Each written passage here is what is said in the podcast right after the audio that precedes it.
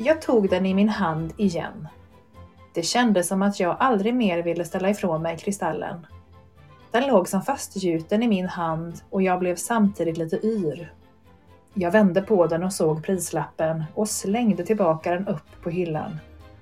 Det priset hade jag inte tänkt betala för en kristall. Yrseln satt kvar en stund men lugnade sig snart. Jag cirkulerade ett varv i butiken igen och tog ett par andra kristaller i min hand. De kändes döda. Det var noll. Ingen känsla alls. Jag blundade lite och det enda jag kunde tänka på var kristallen på hyllan. Som att den stirrade på mig. Som att den ville följa med mig hem.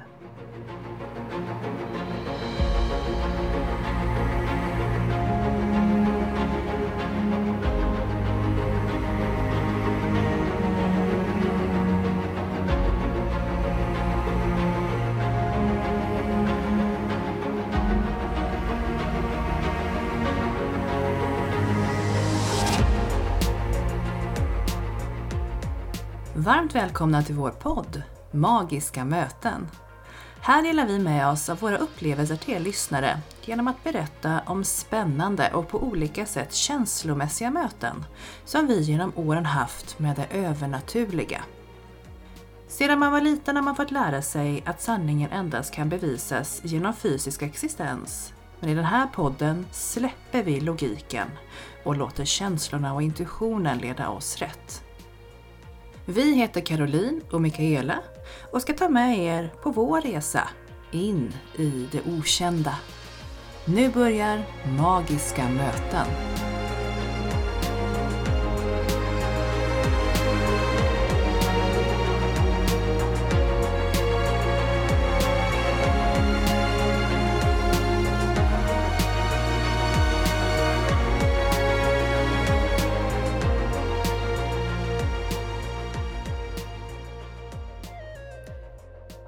Och välkomna till våran påskspecial som ju kommer komma efter påsk eftersom vi använt påsken till att spela in den. Men jättehärligt att få vara igång igen och podda lite grann. Eller vad säger du Caroline? Ja, jättehärligt. Vi har längtat jättemycket men eh, ungefär som för många andra så är det svårt att få ihop hela livspusslet så vi har haft svårt att ses faktiskt de sista veckorna. Så att eh, idag testar vi för första gången att sitta och spela in på varsitt håll. Du sitter ju i Skåne Mikaela och jag i Bohuslän och eh, vi hoppas att det ska bli ett lika bra poddavsnitt ändå, även att vi inte sitter i samma rum.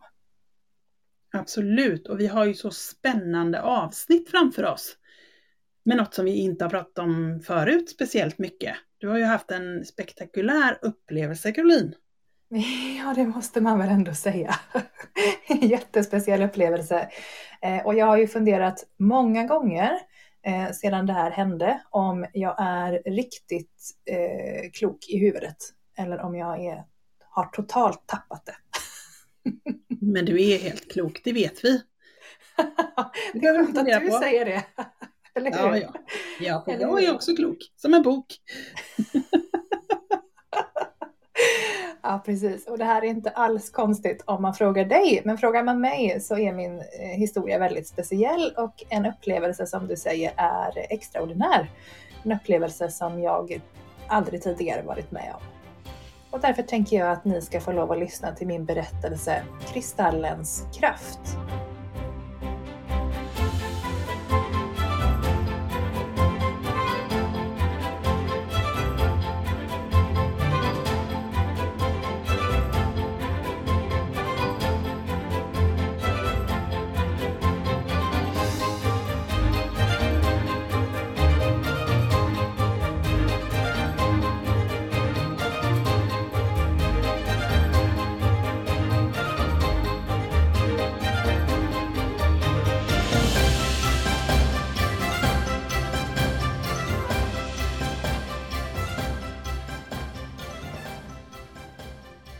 Min första känsla var verkligen wow, vilket ställe.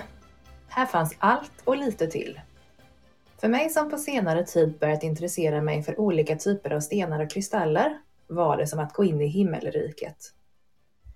Väggarna i den lilla butiken var täckta med hyllor och allsköns vackra kristaller prydde hyllplanen från golv till tak.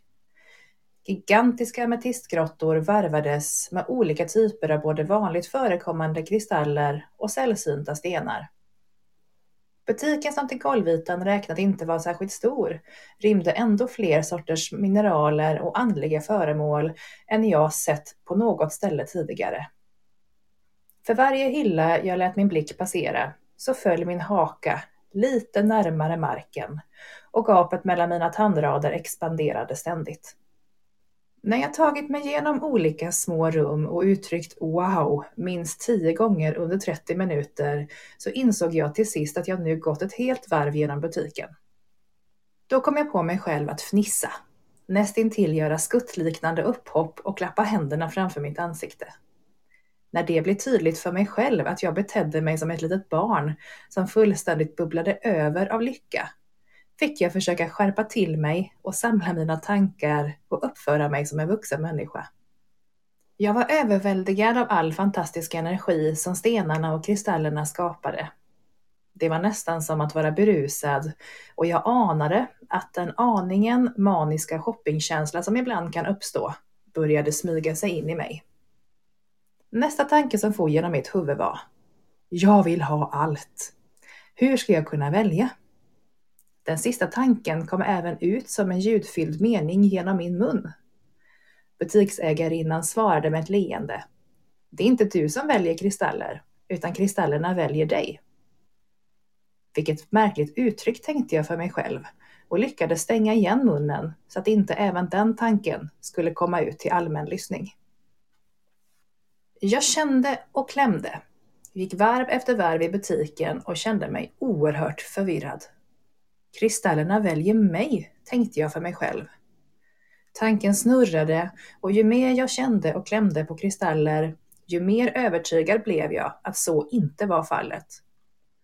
Alla kändes precis lika härliga att hålla i.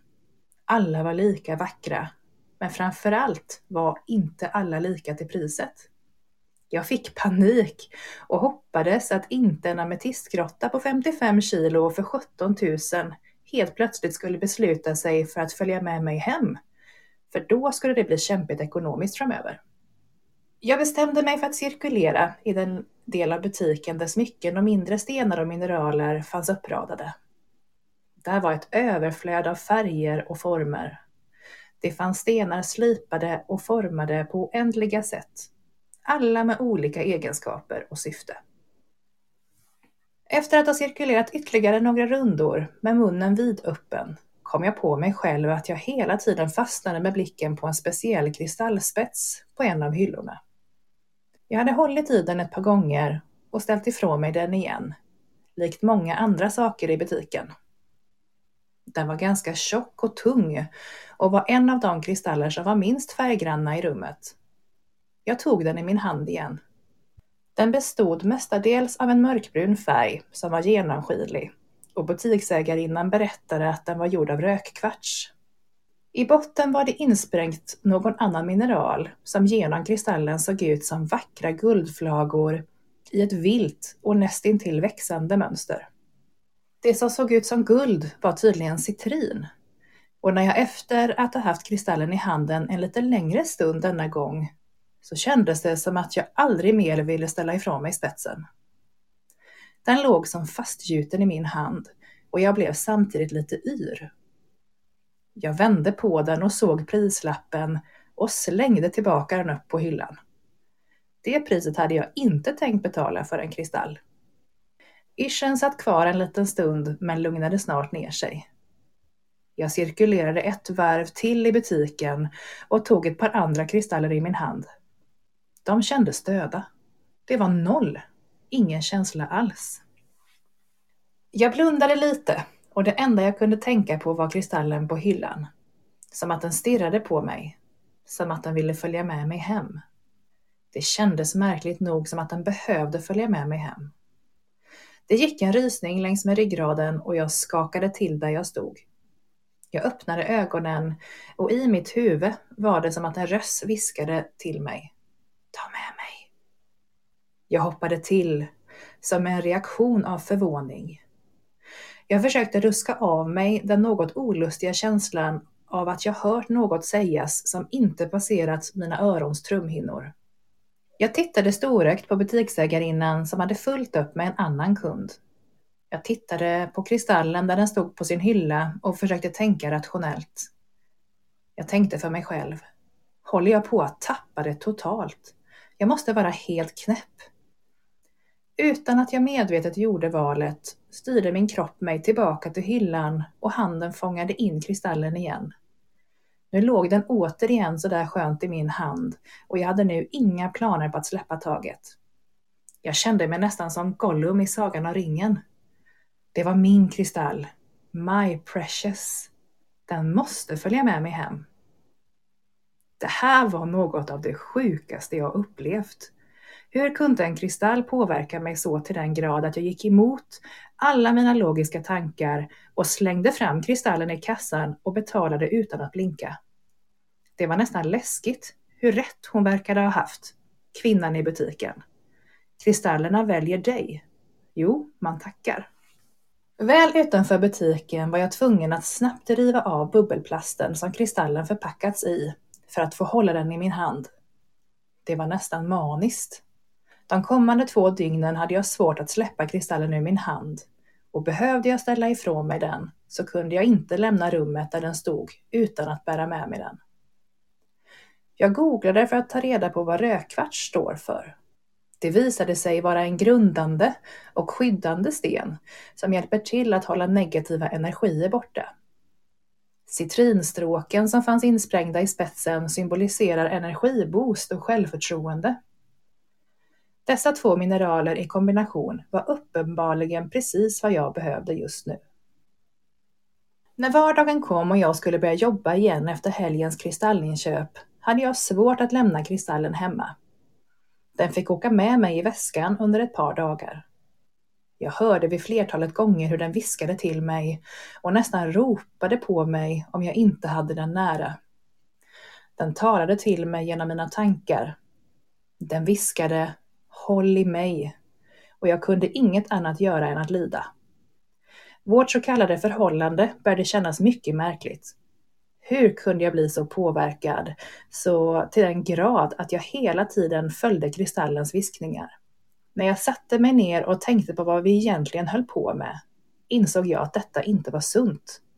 Jag fick nog och svarade upp mot kristallen. Jag tänkte högt. Nu är det jag som bestämmer. Vill du bo hemma hos mig får du sluta vara så krävande. Annars åker du ut. Liknande dialoger hade jag med Kristallen vid ett par tillfällen efter det första, för att tydliggöra att jag inte tänkte följa dess instruktioner. Alltså hur märkligt är det inte att jag står och läxar upp en kristall och hotar med att slänga ut den om den inte uppför sig? Tanken om att jag måste ha tappat det återkom. Hur galen är jag på en skala? Börjar det bli dags att bli orolig på riktigt? Som tur är har jag fina vänner som jag kunde dela historien om kristallen med och i deras öron var det inte konstigare än att solen går upp varje morgon. Kristallen bor nu i mitt sovrum och har gett mig många spännande upplevelser hittills. Och absolut är det den vackraste kristallen som jag äger.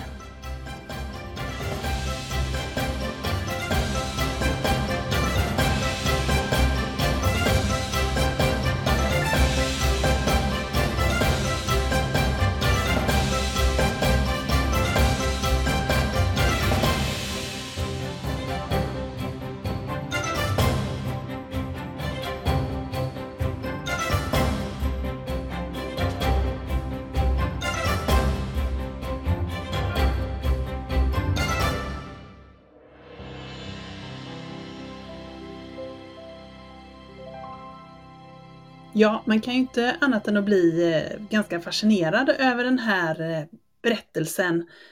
Eh, och jag tänker att du ställde ju en väldigt, väldigt bra fråga här. Hur galen är du egentligen? ja, det är en jättebra fråga. Och man börjar ju faktiskt undra när man får sådana här upplevelser som är helt extraordinära och eh, det känns verkligen som att man har tappat det. Man börjar ju fundera på om man på allvar är psykiskt sjuk. När man hör röster i sitt huvud som tydligen kommer från en sten. Jag vet inte hur många som har upplevt det. Eh, och jag har kanske inte upplevt det jättemånga gånger, att jag har röster i mitt huvud som inte tillhör mina egna tankar. Så jag vågar inte svara på hur, hur galen eller knäpp jag är, men eh, lite galen är jag nog. Det tror jag. jag tror att du är fullständigt normal. Jag tror inte alls att det handlar om det. Ehm, det jag tänker på är att du har ju precis börjat eh, din andliga resa och öppnat upp väldigt mycket och då blir man ju oerhört känslig och eh, man har liksom som känslospröten ute hela tiden och jag tänker att det påverkar ju dig jättemycket när du går in i den här typen av butik som har så mycket energier och mm. som har så mycket på något sätt kunskap lagrat. För jag tänker att i kristallerna så finns det ju oerhört mycket, de har ju växt under väldigt, väldigt lång tid. Mm. Så där har vi ju väldigt mycket, mycket kunskap lagrad, tänker jag, från hela våran jords tid. Så det är ja, inte konstigt ja. att de viskar och pratar till dig. Tänker jag. Jag tycker det Nej. låter helt normalt. det låter helt normalt, ja vad skönt att du säger det. eh, nej men jag har varit i några kristallbutiker tidigare eller andliga butiker eller livsstilsbutiker. Eh, men den här var lite speciell och det var ju helt galet mycket kristaller. Alltså det gick ju inte att titta åt något håll. Det var ju fyllt verkligen till bredden. Så någonstans är det klart att eh, om en liten kristallspets kan påverka mig så här enormt så är det klart att går man in i en sån lokal där det är kristaller som bara hopar sig från alla håll så är det klart att det finns mycket känslor, mycket energier och mycket kunskap att, att försöka och sorla i eller sortera i. Så det var en jättespännande upplevelse att bara vara i den butiken. Jag blev ju verkligen som ett barn på julafton. Jag kom på mig själv hur jag liksom stod och nästan applåderade så här.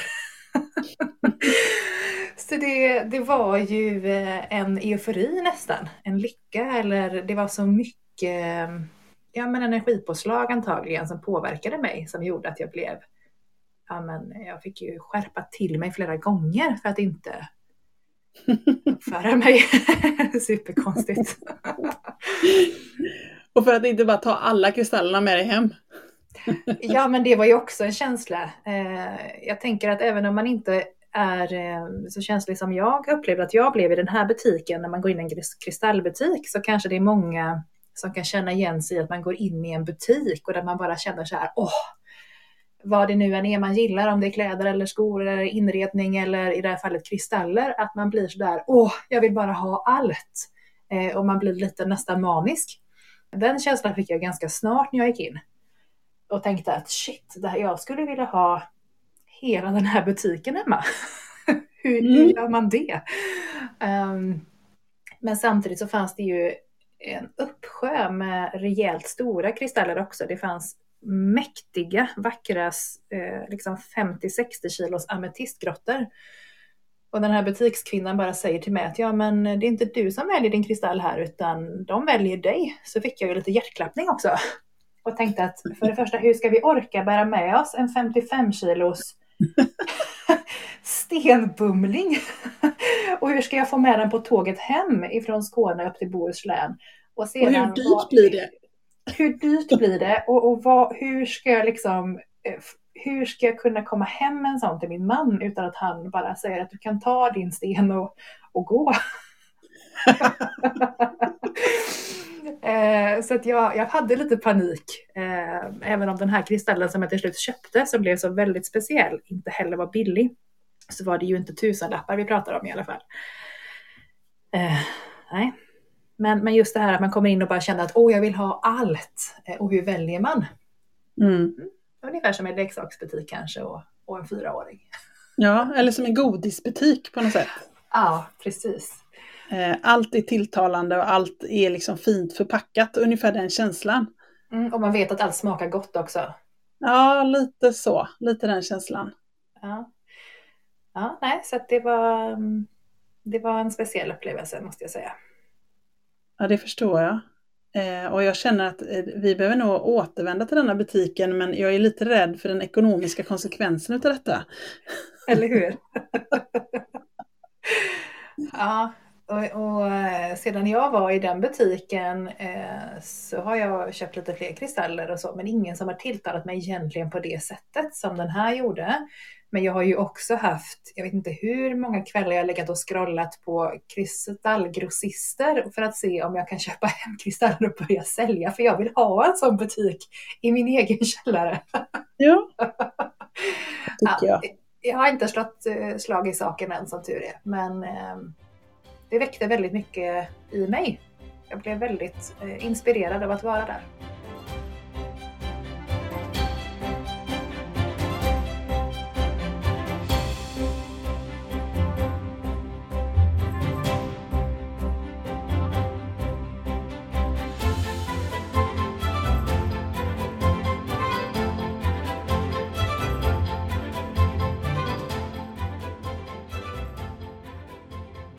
Vi har ju lite olika syften och lite olika uppdrag och olika saker som, som talar till oss, tänker jag. Mm. Så det är väldigt spännande att du har hittat en av de sakerna som tilltalar dig väldigt mycket. Eh, och jag tänker att det har ju kanske också med din andliga resa som vi vet är kanske lite mer inriktad på väsen. Mm, precis. Den här kristallen talade väl också om saker och ting för dig? Ja, vi har haft många dialoger förutom att vi har skällt på varandra eller jag har skällt mm. på den och sagt att nu får du skärpa till dig för annars åker du ut. Eh, jag har ju använt eh, väldigt få kristaller genom min andliga resa hittills men den här har jag haft med mig när jag har fått eh, kontakt med olika saker. Bland annat då väsen av olika slag, både ute i naturen men även hemma. Mm. Så den har varit någon form av katalysator Eh, för att jag ska kunna få kontakt med lite finstämda och lite flyktiga energier. Det är ju mm. fantastiskt att du har ändå hittat, för det blir som en arbetskamrat som du har hittat kan man säga. Ja, men lite så, ungefär som en förstärkare, tänker jag, upplever jag att den fungerar. Dess egenskaper utifrån vad det är för typ av kristall säger ju en sak, men att den är både jordande och beskyddande men också ger mycket positiv energi. Eh, om man ser till att det är en rödkvarts med insprängd citrin i. Men så som jag har använt den så är inte det viktigt egentligen vad själva kristallen i sig står för, utan det är hur jag har kunnat använda den och den har verkligen varit som en förstärkare eller som en högtalare in till en annan dimension som jag håller på och upptäcker just nu och det har varit superspännande.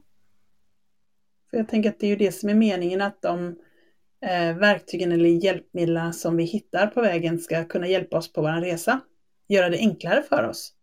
Och även få oss att hitta vägar. Mm. Att, eh, att du nu har hittat en kristall som kan vara en väldigt bra katalysator för dig och stötta dig i, på din väg. Det är ju helt otroligt. Jag mm. tänker att det är inte alla som, som hittar kanske ett verktyg eller redskap som fungerar så bra. En del får uh, hålla till godo med sig själva. ja, precis. Men, eh, och sen så tänker jag också att det är kanske inte alla heller som, som behöver sätta sin arbetskamrat på plats. Så som du har behövt göra. Nej, Ni verkar ju ha en liksom, ömsesidig relation på något sätt. ja, men det låter så galet liksom. jag vet när jag var, jag vet inte hur gammal jag var, men ganska liten så vet jag att min mamma köpte en bok om, om speciella människor i Sverige som någon författare hade illustrerat på ett väldigt vackert sätt med bilder och text. Och då vet jag att de pratade om en person som kunde prata med både djur och växter och då beskrev den här personen eh, som då kunde det i det här porträttet, ungefär som att hon pratar med ett grässtrå och hur mycket det har att berätta. Och då kände jag så här att men Ja, det är, jag förstår ju att levande djur och så, att man kan kommunicera med dem och jag tänker gräs eller eh, växter, de åtminstone levande saker. Men för mig är ju en kristall eller en sten, det är ju ett dött föremål. Eller om man nu tänker vetenskapligt att det är ju inte liv, eller vad man ska säga. Det är ju någonting annat. Ungefär som vatten eller stenar eller att det är, de har inga celler eller kan andas eller kan... Så, att, så någonstans för mig så blir det ju ytterligare en aha-upplevelse att helt plötsligt en sten började kommunicera och också på ett sätt som jag inte upplevt innan, varken med djur eller människor eller något annat, att jag hör röster. Så det, det var oerhört speciellt och jag kände flera gånger att det här, det här händer inte. Och, och vem ska man prata med det här om? Det, man, kan inte, man kan inte berätta det här för någon för det är ju helt uppåt väggarna galet. Eh, om jag bara till vem som helst säger att ja, men jag har en sten som pratar med mig hemma. Eller som jag också får skälla på ibland och sätta på plats. Mm. Alltså, jag tänker att stenar växer ju. Kristaller växer ju. Eh, och eh, bildas ju ur, ur mineraler och ur det som finns i jorden. Så jag tänker någonstans så ett grässtrå kommer ifrån, växer ju också ur jorden. Så det är väl inte jättekonstigt om man tänker den tanken. Nej, det är det inte, men det är bara så långt ifrån tankar jag har tänkt tidigare i livet. Och det är väl det som gör det lite svårt att förstå. Eh, och det är väl som med allting man stöter på i den här världen med det övernaturliga att för varje ny sak man möter eller för varje ny sak som är nytt för mig så blir man så här, oj, alltså hela världsbilden vänds ju på något vis upp och ner. För varje sån här sak man man går igenom. Ehm, för mig var den största förändringen när vi började prata eller kommunicera med andar eller mina bortgångna släktingar. Nu, så här sju, åtta år senare, det är helt naturligt och självklart i min värld. Det är inte konstigt på något vis. Att kommunicera med djur är inte konstigt. Att kommunicera med änglar är inte konstigt. Men nu helt plötsligt så pratar jag med, med kristaller och med väsen i skogen. Och där någonstans, det är så nytt för mig. Så just nu är det jättekonstigt.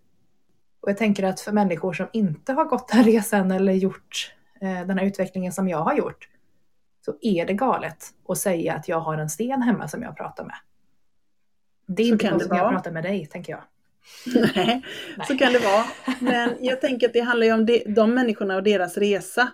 Mm. Eh, någonstans så är det ju så att det, det, kommer finnas en massa människor som bara, jaha, men det är ju helt normalt också. Så att jag tänker någonstans att vi har olika resor och vi har kommit olika långt och vi har olika saker i det här livet som vi ska upptäcka, uppleva och hitta tillbaka till eller inte.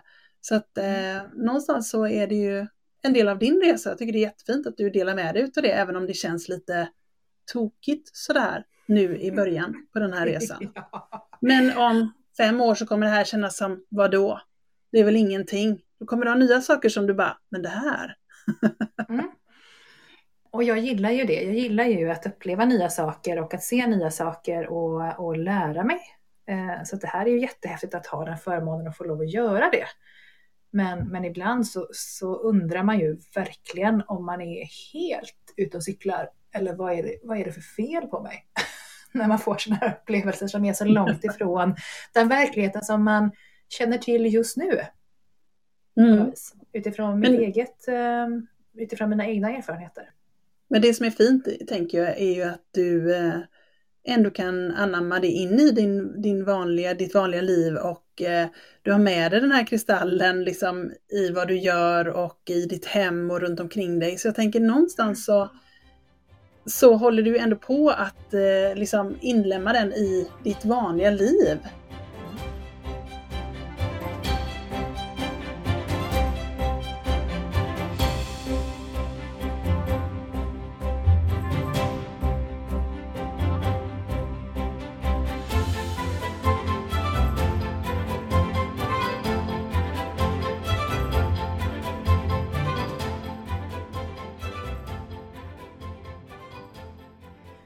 Men vi pratade om att kristaller kan fungera som ett arbetsverktyg när man jobbar med andliga saker. Vad, vad finns det fler för olika verktyg man kan använda, tänker du? Har du några speciella föremål som du använder i ditt arbete? Nej, inte jättemycket gör jag inte. Det är ju en tarotlek, alltså jag kan ju använda och lägga kort.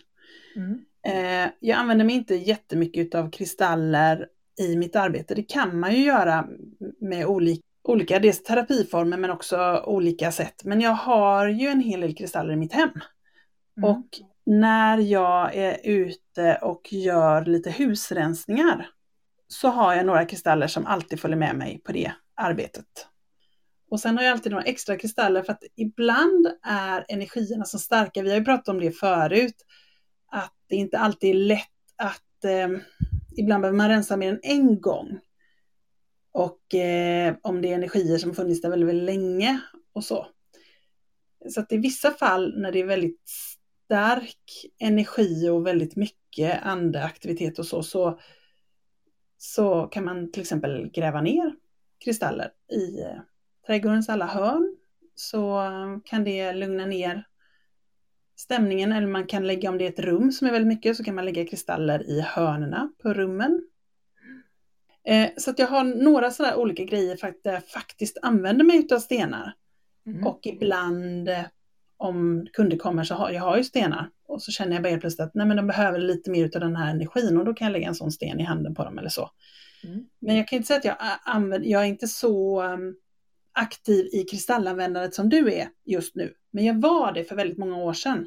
Då var jag det. Och sen har jag också att när jag ska jobba aktivt medialt, då hänger jag på mig en kristall runt halsen. Mm. Det är på något sätt min så här, ha, gå till jobbet eh, amulett liksom. Ja, just det. det är ungefär likställt för mig med att öppna upp min mediala kanal. Mm. Jag hänger den runt halsen och sen kan jag börja jobba. Ungefär så. Men vad finns, det för, vad finns det för andra vanliga redskap som eh, man kan använda för att eh, förstärka eller utveckla sin mediala förmåga, även om inte du använder det så ofta? Jag tänker att många använder till exempel pendlar eller Ouija-board eller olika saker för att lättare kunna kommunicera eller få budskap. Det handlar ju hela tiden på något sätt om att om man tänker sig att vi är instrument, att man behöver stämma sitt eget instrument för att kunna lyssna och en del människor har ett ganska välstämt instrument redan från de föds eller redan från, från första början, att de har lätt att se eller höra eller få förnimmelser eller känna eller få budskap eller sådana saker. Men eh, andra behöver oftast träna lite grann. Om man inte har tränat något men är jättenyfiken så kan man ju oftast kanske använda sig av någon form av, många har gjort den här anden i glaset eller ett Ouija-board eller någonting sånt. Där vill jag väl säga precis som väldigt många andra säger att man vet ju inte riktigt vem och vad man kommunicerar med när man inte, när man inte har en så, eh, vad ska jag säga, klar signal eller sån tydlig signal eller sån tydlig tydlig intention med det man gör. Eh, det är väl ungefär som att gå på Konsum och säga jag ska ha fest, kan inte alla som är här inne komma? Kanske inte blir alla just de man verkligen vill ska komma som kommer då. Eh, Nej. Någonstans så får man ju tänka att man får vara lite selektiv i sitt, eh, i sitt sätt att bemöta andevärlden. Dels utav respekt men dels utav för att värna om sig själv också tänker jag. Mm. För det tar ju lite energi utav en, det vet ju du som har eh, kommunicerat lite grann med andevärlden att det, det tar en del energi. Mm. Så man behöver vara lite rädd om sig själv tänker jag också. Och eh, vad är det man vill uppnå, vad är det som är viktigt, vad är det man vill veta eller vad är det man vill få kunskap om eller vem är det man vill träffa. Mm. Så jag tycker man ska vara ganska noga med att sätta en intention, att vara bestämd med vad, vad det är man vill med mötet innan man gör den typen av möte. Eh, och jag tror att många som testar på, man är ung kanske, man är nyfiken, man vill bara veta vad som helst och allt är spännande och spöken överallt och sådär. eh, och då är det lätt att man, att man kanske missar den här intentionen, att man liksom verkligen så här, jo men jag vill träffa min farmor. Alltså, och då kan det gärna bli lite, som sagt, som att bjuda in folk från Konsum på en fest. Ja. Vem som helst kan komma igenom. Vem som helst kan komma igenom hur som helst och det kanske inte alltid blir så seriöst eller så hjälpsamt som jag upplever att andevärlden egentligen är. Utan då blir det lite så här, många som upplever lite en form av trickster eller någon som skojar eller som säger lite läskiga saker bara för att få uppmärksamhet på något sätt. För att få en reaktion det kan ju bli lite destruktivt tänker jag, både för den som blir mottagare av det och den som levererar det, den typen av budskap. Så jag tror att eh, man kan absolut använda sig av precis vad som helst, men jag tror att man själv är ett lika bra redskap om man bara sätter en intention och är tydlig med det.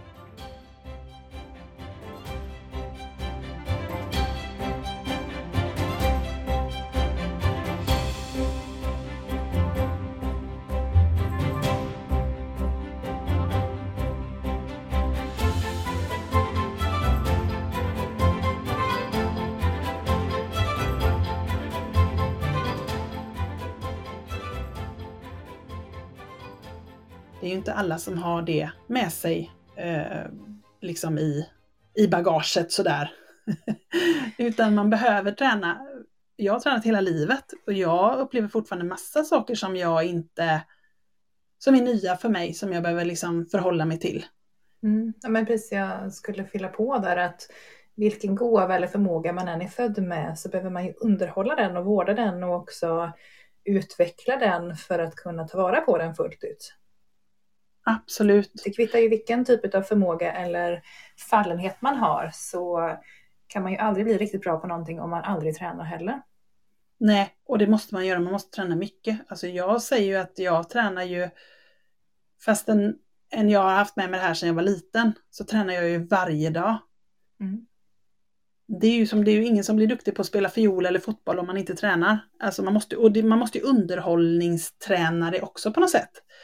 Alltså man, man kan inte bara tänka att man åker iväg och bara spelar matcher. Bara för att man är duktig. Man behöver ju hålla upp kondition och annat sådär. Och det är samma med det här. Man behöver träna. Mm. Och jag vet att det var eh, vid något tillfälle som var någon som reagerade på att det var några medium som, som pratade om att man behöver ha 10 000 timmar för att liksom vara ett bra medium eller sådär. Mm. Eh, och jag tänker att det behöver man kanske ha vad man än gör i livet. Man behöver ha gjort någonting väldigt många gånger. Man kan vara jätteduktig fast man gör det i början och som nybörjare och så. Men för att känna sig själv trygg och säker så behöver man ganska mycket tid och jobba ganska mycket med det. För, men samtidigt så tänker jag att alla måste ju få lov att börja någonstans. Alla måste få, få liksom vara nybörjare och starta sin resa och vara välkomna för det. Ja, men såklart. Man kan ju inte vara proffs innan man har fått prova. Nej, och för att få de 10 000 timmarna så behöver man ju, då behöver man ju ha kunder i 10 000 timmar. Så att mm. någonstans så tänker jag att det är ju liksom inget, det är inget konstigt. Vi är alla på en resa och man, kommer, man har kommit olika långt och man är på olika träningsläger kan man säga. Så att jag tänker att det, det är väl alldeles naturligt. Det gäller bara att ta störst, första steget och sen, mm. sen är det bara att fortsätta träna och öva och man blir ju bättre och bättre för varje träningstillfälle man får. Så är det. Men när du säger att du fortfarande tränar och du tränar varje dag, vad kan det innebära? Vad är det för typ av träning som du gör mycket av just nu för att hålla, hålla igång? Jag tycker meditationen är ett jätteviktigt redskap. Jag har ju haft under jättemånga år i mitt liv problem med att meditera. Mm. Eh, det var inte förrän jag var, ja men jag var ju bra över 30 innan jag lyckades med meditation och fick det att fungera för mig. Så att det använder jag mig mycket av, meditation. Och sen Sen gör jag också ganska mycket lite stillhetsövningar, att jag försöker vara i stillhet, det vill säga inte ha, vara uppkopplad eller, eller ha massa saker på gång, utan bara sitta i stillhet och tystnad och då får jag till mig väldigt mycket budskap och det kan jag göra i naturen, men det kan jag lika bra göra hemma i soffan. Det spelar inte så stor roll vart jag är. Men jag försöker ta mig en stund varje dag i stillhet och tystnad. Så det jobbar jag ganska mycket med, liksom till vardags. Men sen, eh, ja, nej men det är ju, man träffar ju kunder och man har ju sittningar och man har ju kurser och men jag tror att det är lika viktigt att upprätthålla sin egen innersta eh, kärna utav andlighet. Jag behöver hela tiden själv också utveckla mig själv. Inte bara vara stilla och tänka att ja men ha, nu har jag lärt mig allt. För så funkar det inte. Jag lär mig nya saker hela tiden. Ja, det är väldigt, väldigt få yrkesområden vi har provat där, det, där man blir fullärd på något vis. ja, jag undrar om man blir det någonstans tänker jag. Jag vet inte. Bara tänk på så Nobelpristagare och sånt, de har ju oftast liksom jobbat på någon, på någon liksom liten partikel eller någonting sen liksom i 60 år innan de får liksom erkännande för det. Så jag tänker att mm. så är det väl med allt i livet. Och det är klart att man är väl olika som individer där också, hur, hur sugen man är på utveckling. Eh, mm. Vi är kanske extrema åt ena hållet, att vi hela tiden vill framåt och hitta nya vägar och prova nya saker. Människan som i sin natur vill väl utvecklas, tänker jag, på ett sätt. Annars hade vi inte varit där vi är idag med all teknologi och samhället och, och så. Men någonstans så finns det också många som känner att det var bättre förr. Varför ska mm. vi ta oss framåt hela tiden? det är inte alla som känner att man mår bra av utveckling och framförallt inte i för snabb takt. Nej, och utveckling kan ju vara smärtsamt jobbigt också. För ibland kan man ju få, på tal om det vi pratade om tidigare, vägledning som, som säger till en att man ska göra val som, som är smärtsamma. Eller som gör ont, eller som är, som är tuffa. Att gå ur en relation eller, eller att byta ett jobb eller vad man nu ska göra som, som, som man kan känna dubbla känslor för. Ehm, det är fint med utveckling men det kan ju också vara smärtsamt, det får man ju vara medveten om. Mm. Ehm, och där kommer ju det till att lyssna till sin inre vägledning. Det är inte alltid bara solsken och kärlek och bara positivt. Ibland måste man också våga ta tag i de lite tuffare delarna. Mm. Och våga göra förändringar fastän det kan göra lite ont och vara lite jobbigt. Um, och den, de läxorna har, har jag fått kämpa mycket med i livet. Mm. Det tror jag vi alla gör. Och som, som du sa förut att, att en del vill bara att allting ska vara som det var förut. Och eh, jag tror att det är svårt för, för vi kan ju ta tillvara på det som har varit tidigare och lära oss utav det och eh, ta goda exempel och goda tankar kring det som har varit. Men, men tiden går ju framåt hela tiden. Jag tror att det är svårt att vara i det förgångna hela tiden. Man får nog försöka ha i alla fall en fot i framtiden och en fot i dåtiden för att kunna må helt bra. Annars så stannar man på något sätt.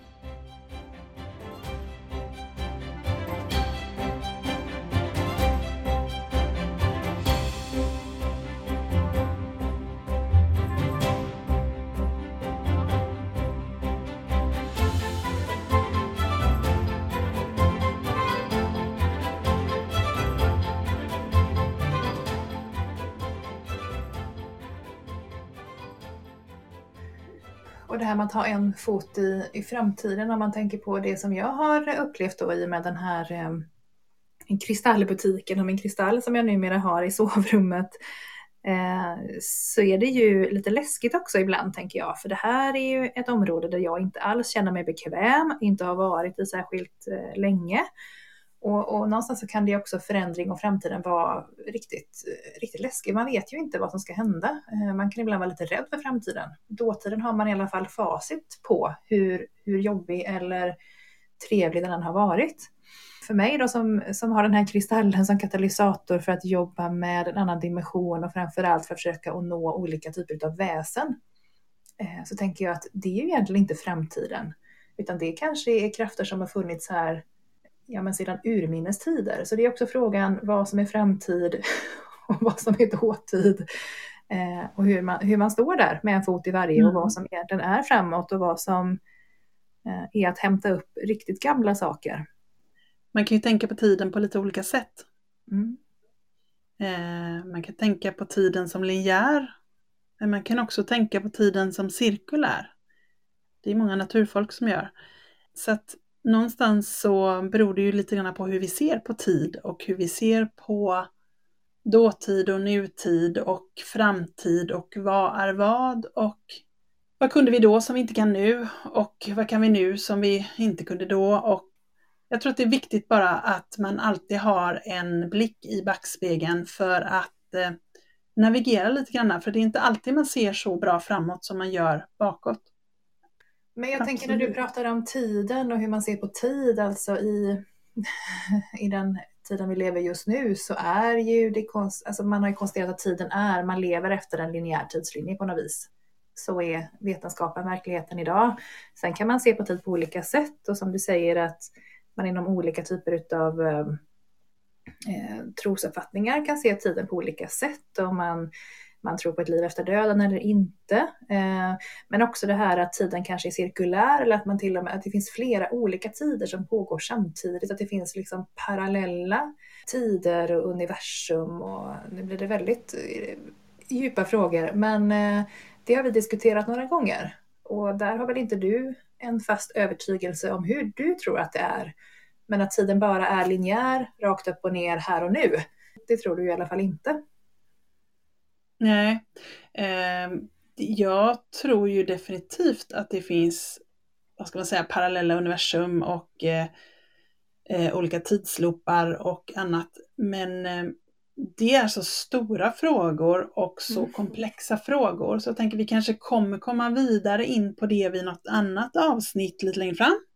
Så vi kan gå lite mer på djupet på de sakerna. Men, eh, men jag har nog en annan syn på tid än vad kanske de flesta har. Och det är mycket på grund av mina upplevelser och hur jag lever mitt liv. Som, som gör det, tänker jag. Ja. Eh, jag, jag har ju alltid en fot i dåtiden och pratar med, med människor som, som inte finns här längre utan som har levt sitt liv tidigare. Mm. Samtidigt som jag har eh, en förmåga att se in i framtiden lite grann. Och det gör att jag blir mer och mer övertygad om att vi behöver leva mer och mer i nuet. Ja. Och inte så mycket, för många människor jäktar oftast till nästa sak, nästa sak, nästa sak. Precis som du sa, vi är nyfikna som människor, vi vill framåt, vi har driv, vi har engagemang.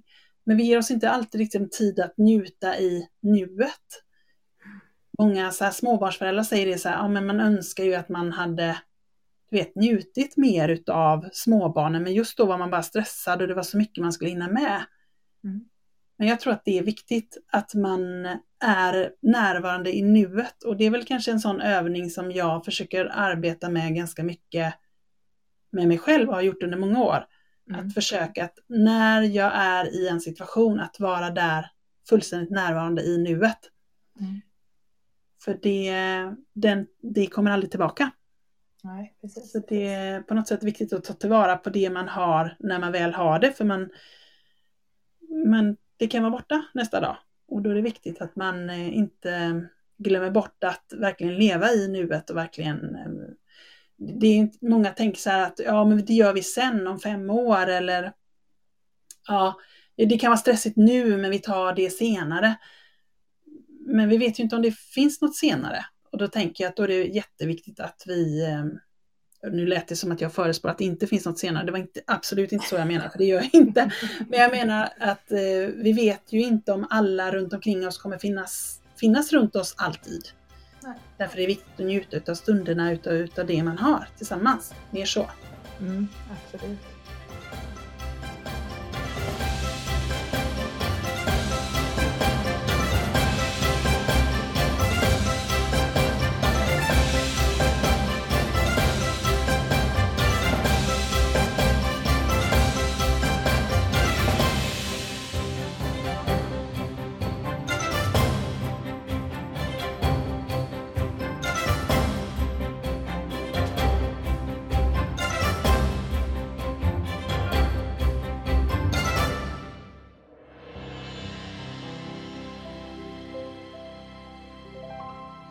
Mikaela, vi har ju lyckats spela in ett helt poddavsnitt på distans för första gången och eh, det har varit jättekul. Även om vi inte sitter så att vi kan se varandra så har det varit eh, jätteintressant som vanligt att få lov att dela med sig av en historia. Och det är skönt att du står fast vid, trots hela den här stunden tillsammans, att jag inte är totalgalen utan eh, allt är helt Bara lite. normalt. Bara lite galen. Sådär som man behöver vara för att må bra, tänker jag.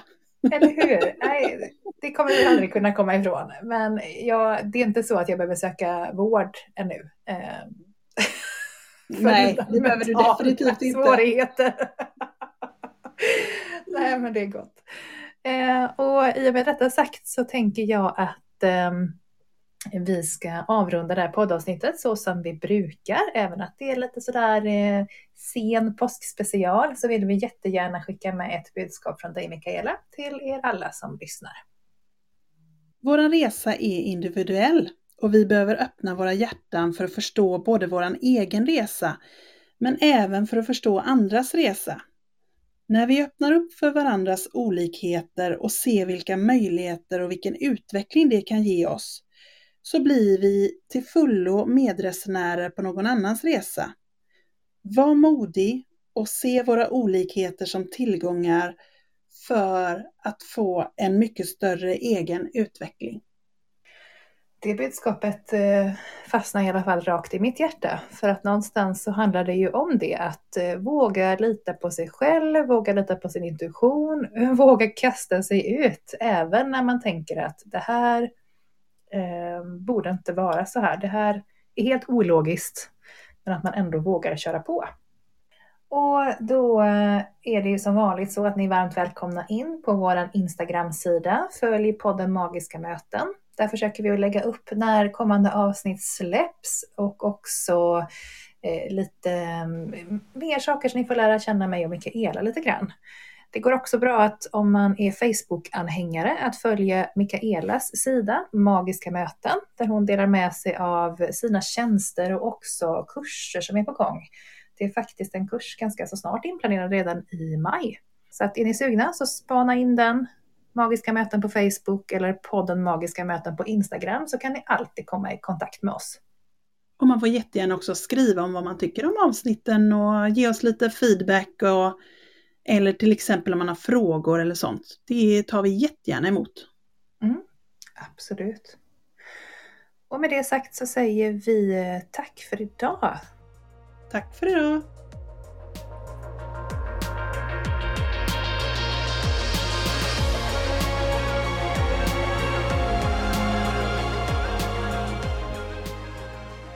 Sedan man var liten har man fått lära sig att sanningen endast kan bevisas genom fysisk existens. Men i den här podden släpper vi logiken och låter känslorna och intuitionen leda oss rätt. Tack för att ni har lyssnat på Magiska möten.